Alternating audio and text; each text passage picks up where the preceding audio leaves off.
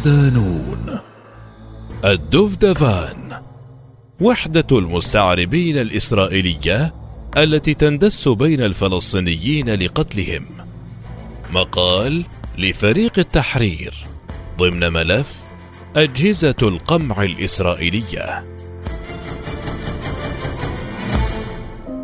في ظل الهجمة المستمرة على الشبان الفلسطينيين في مناطق الضفة الغربية أصبح مسلسل إجرام جيش الاحتلال والقوات الخاصة المرافقة له في تزايد كبير وعلى وتيرة يومية.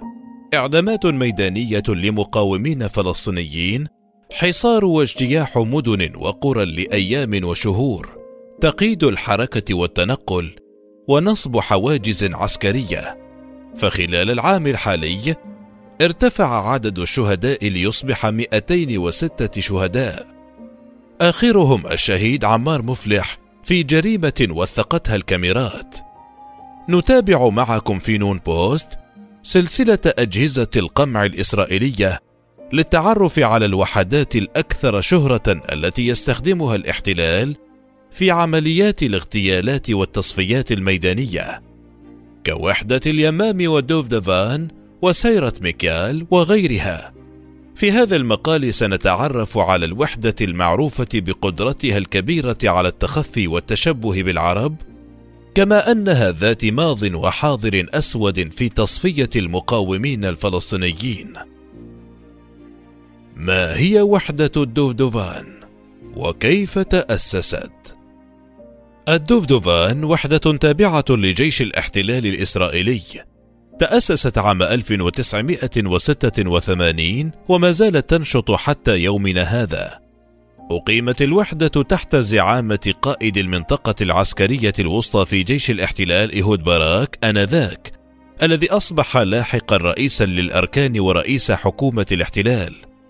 وكان الهدف الرئيسي من تأسيسها القدرة على التغلغل داخل الضفة الغربية سواء من الجانب الاستخباراتي أم العملياتي. من أجل رصد تحركات المقاومين ومنع العمليات والانتفاضة وضرب المقاومة الفلسطينية من خلال تنفيذ عمليات اعتقال واغتيالات وضع إيهود باراك في حينها تعليماته عند تشكيل الوحدة فحدد ملامح أفرادها بقوله أريد وحدة يبدو أفرادها كالعرب وأن يتحدثوا اللغة العربية كالعرب ويقود دراجات ومعهم خوذ في قلب القصبة في نابلس كما لو كانوا في شارع ديزنغوف في تل أبيب أناس يكونون قادرين على التحرك بتخف جزئي يمكنهم من الوصول للهدف دون حاجة لقوات كبيرة تكون مكشوفة ميدانيا. استعان باراك في مراحل تأسيس هذه الوحدة بمتطوعين من مختلف وحدات الجيش، خصوصا من أصول شرقية وعرب يجيدون اللغة العربية ولهجاتها المحلية في فلسطين. بالإضافة إلى تدريبات خاصة من عناصر من جهاز المخابرات الإسرائيلية الذي كان يسمى حينها الشين بيت وأصبح اليوم يدعى الشباك. منذ بداية تشكيلها ضمت جنودا من وحدات الكوموندوز البرية والبحرية ومع اندلاع انتفاضة الحجارة الفلسطينية في نهاية عام 1987 ازداد نشاط الوحدة وشاع اسمها فشاركت في الحرب على غزة عامي 2012 و2014 وأصبحت الوحدة في السابع والعشرين من ديسمبر كانون الأول 2015 تابعة للواء أوز.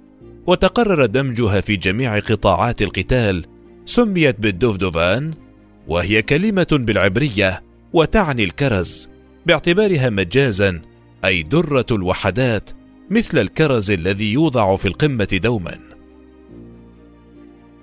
مهام الوحدة تتركز مهام وحدة الدودوفان على الاستخبارات والاعتقالات المعقدة أو التصفية المستهدفين المطلوبين والنشطاء والمقاومين في مناطق الضفة الغربية وغزة.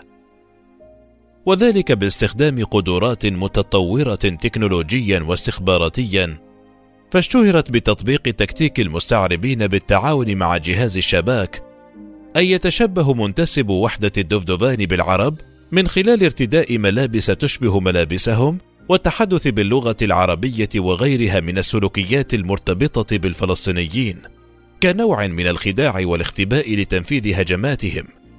منذ بداية نشاطها حصل منتسبوها على دورات تدريبية خاصة تشتمل تعلم استخدام الأسلحة الساخنة والباردة، وكذلك التخفي كعرب مستعربين، وإطلاق النار من السيارة والتحدث باللغة العربية، والتحرك خفية في المخيمات والمدن الفلسطينية.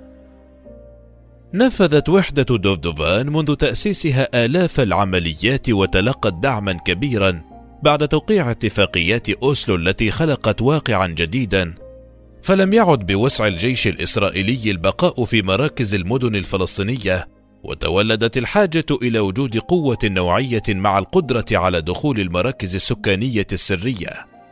ومنذ ذلك الحين أخذت وحدة دوفدوفان على عاتقها دورا مزدوجا للجيش والشباك لتنفيذ المهام الأكثر تعقيدا. المتمثلة في تحديد مكان المطلوبين في الضفة الغربية لا سيما أولئك الذين لم يتم تصفيتهم وكان لابد من التحقيق معهم. فقتلت الوحدة إياد بطاط الذي كان قائدا عسكريا في حركة حماس بالخليل محطات فشل في يوليو تموز 1992 قتل رقيب أول من الوحدة عن طريق الخطأ أي نيران صديقة في قرية برطعا ضمن عملية اعتقال بحق مقاومين. وقدمت الأسرة التماسا إلى المحكمة العليا في قضية مقتل الرقيب إيلي إيشا وكذلك في عام 2000 واجهت الوحدة أزمة فشل بعد خلل في الخطة أدى إلى تبادل إطلاق نيران. وكذلك في عام 2000 واجهت الوحدة أزمة فشل بعد خلل في الخطة أدى إلى تبادل إطلاق نيران من منتسب الوحدة أنفسهم ومن كلا الجانبين. أصيب الجنود بنيران القوة التي ينتمون إليها. ووقع الحادث خلال عملية أطلق عليها الإعلام الإسرائيلي سمفونية الحياة التي هدفت إلى إلقاء القبض على محمود أبو هنود المطلوب الأول في الضفة الغربية وقائد الجناح العسكري كتائب عز الدين القسام وقد فشل الاحتلال في اغتياله مرات عديدة. خلال العملية في قرية عصير الشمالية اعتقد قناصة الوحدة أن خمسة من زملائه الذين كانوا يعتلون الأسطح في منطقة العمليات أنهم مقاومون وأطلقوا النار عليهم وقتلوا أعضاء الوحدة من بينهم ثلاثة رقباء في محاولة فاشلة لاغتيال أبو هنود حيث نجح حينها في الانسحاب إلى نابلس بعد أن أصيب بجرح في كتفه وحينها أعلنت الوحدة فشلها وتوقفت مبدئيا عن العمل إلا أنها خلال الانتفاضة عادت لنشاطها. بعد الانتفاضة. ومع اندلاع الانتفاضة الثانية وبعد نحو ثلاثة أسابيع عادت دوفدوفان إلى النشاط الكامل وعادت لتكون رأس الحربة لجيش الاحتلال الذي حصل فجأة على موافقة دبلوماسية على العمليات العسكرية. واستخدمت دوفدوفان القوة على نطاق واسع وقبضت على مئات المقاومين ونفذ مقاتلوها اغتيالات في الضفة الغربية كما كانت الوحدة أول من اقتحم المقاطعة التي اعتبرت المعقل الحصين لمنظمة التحرير الفلسطينية. في عام 2009 شاركت الوحدة بأول عملية عسكرية في غزة، ثم انضمت للعمليات اللاحقة عامي 2012 و2014 منذ إنشاء دوفدوفان أصبح نشاط المستعربين يقتصر فقط على كونه جزءا من قدراتها وخلال عام 2018 نفذت الوحدة عمليات اعتقال في مخيم الأمعر للاجئين بالقرب من رام الله حيث ألقيت بلاطة رخامية من ارتفاع على الجندي رونيل لوبارسكي الذي أصيب في البداية بجراح بالغة وبعد نحو ثلاثة أيام قتل متأثرا بجراحه وتمت ترقيته بعد وفاته إلى رتبة رقيب. مسلسل فوضى. يعرض مسلسل فوضى الصهيوني حياة وحدة للمستعربين. كيف تعمل وكيف تخطط وتتنكر وتقتحم القرى والمدن الفلسطينية بمساعدة الاستخبارات العسكرية ووحدة ثمانية آلاف ومئتين في الجيش؟ يقدم المسلسل صورة عن حديث هؤلاء المستعربين باللغة العربية والموسيقى العربية التي يسمعونها وكيف يتعاملون مع الأهداف وعن حياتهم اليومية في المنزل وفي العمل العسكري. ويحاول عرض تناقضات حياتهم اليومية والعائلية المختلفة خارج إطار الوحدة العسكرية. يتحدث كاتب السيناريو ليو رازا أن المسلسل تمت كتابته بالشراكة والمساعدة مع كل من زنان بن يتسحاك وهو مدير المخابرات العامة في السابق وخريج وحدة سايرت ماتكال وهي وحدة كوموندوز تعمل بأوامر جهاز المخابرات والاستخبارات العسكرية. وأفيف إلعاد وهو خريج وحدة دوفدوفان للمستعربين التي نشطت عام 1986 حتى 2015 دوفدوفان ونظيرتها شمشوم. اعتمدت الوحدة باعتبارها القوة الرئيسية لقتل قادة الانتفاضة الميدانيين تحت ستار وحدة خاصة. في ظل روايات الفلسطينيين عن الوحدة التي كانت تقتحم بيوتهم خلال السنة الأولى للانتفاضة لتقتل أكثر مما تعتقل نشطاء في الانتفاضة الأولى. وفقط في عام 1988 بدأت وسائل الإعلام الإسرائيلية بتسريب حقيقة وجود الوحدة. إلى جانب أخرى موازية لها حملت اسم شمشوم في إشارة للبطل اليهودي الأسطوري الذي هدم المعبد على من فيه. تخصصت بدورها في عمليات التصفيات في قطاع غزة. الدوفدوفان قتلة الصحفية شيرين أبو عاقلة.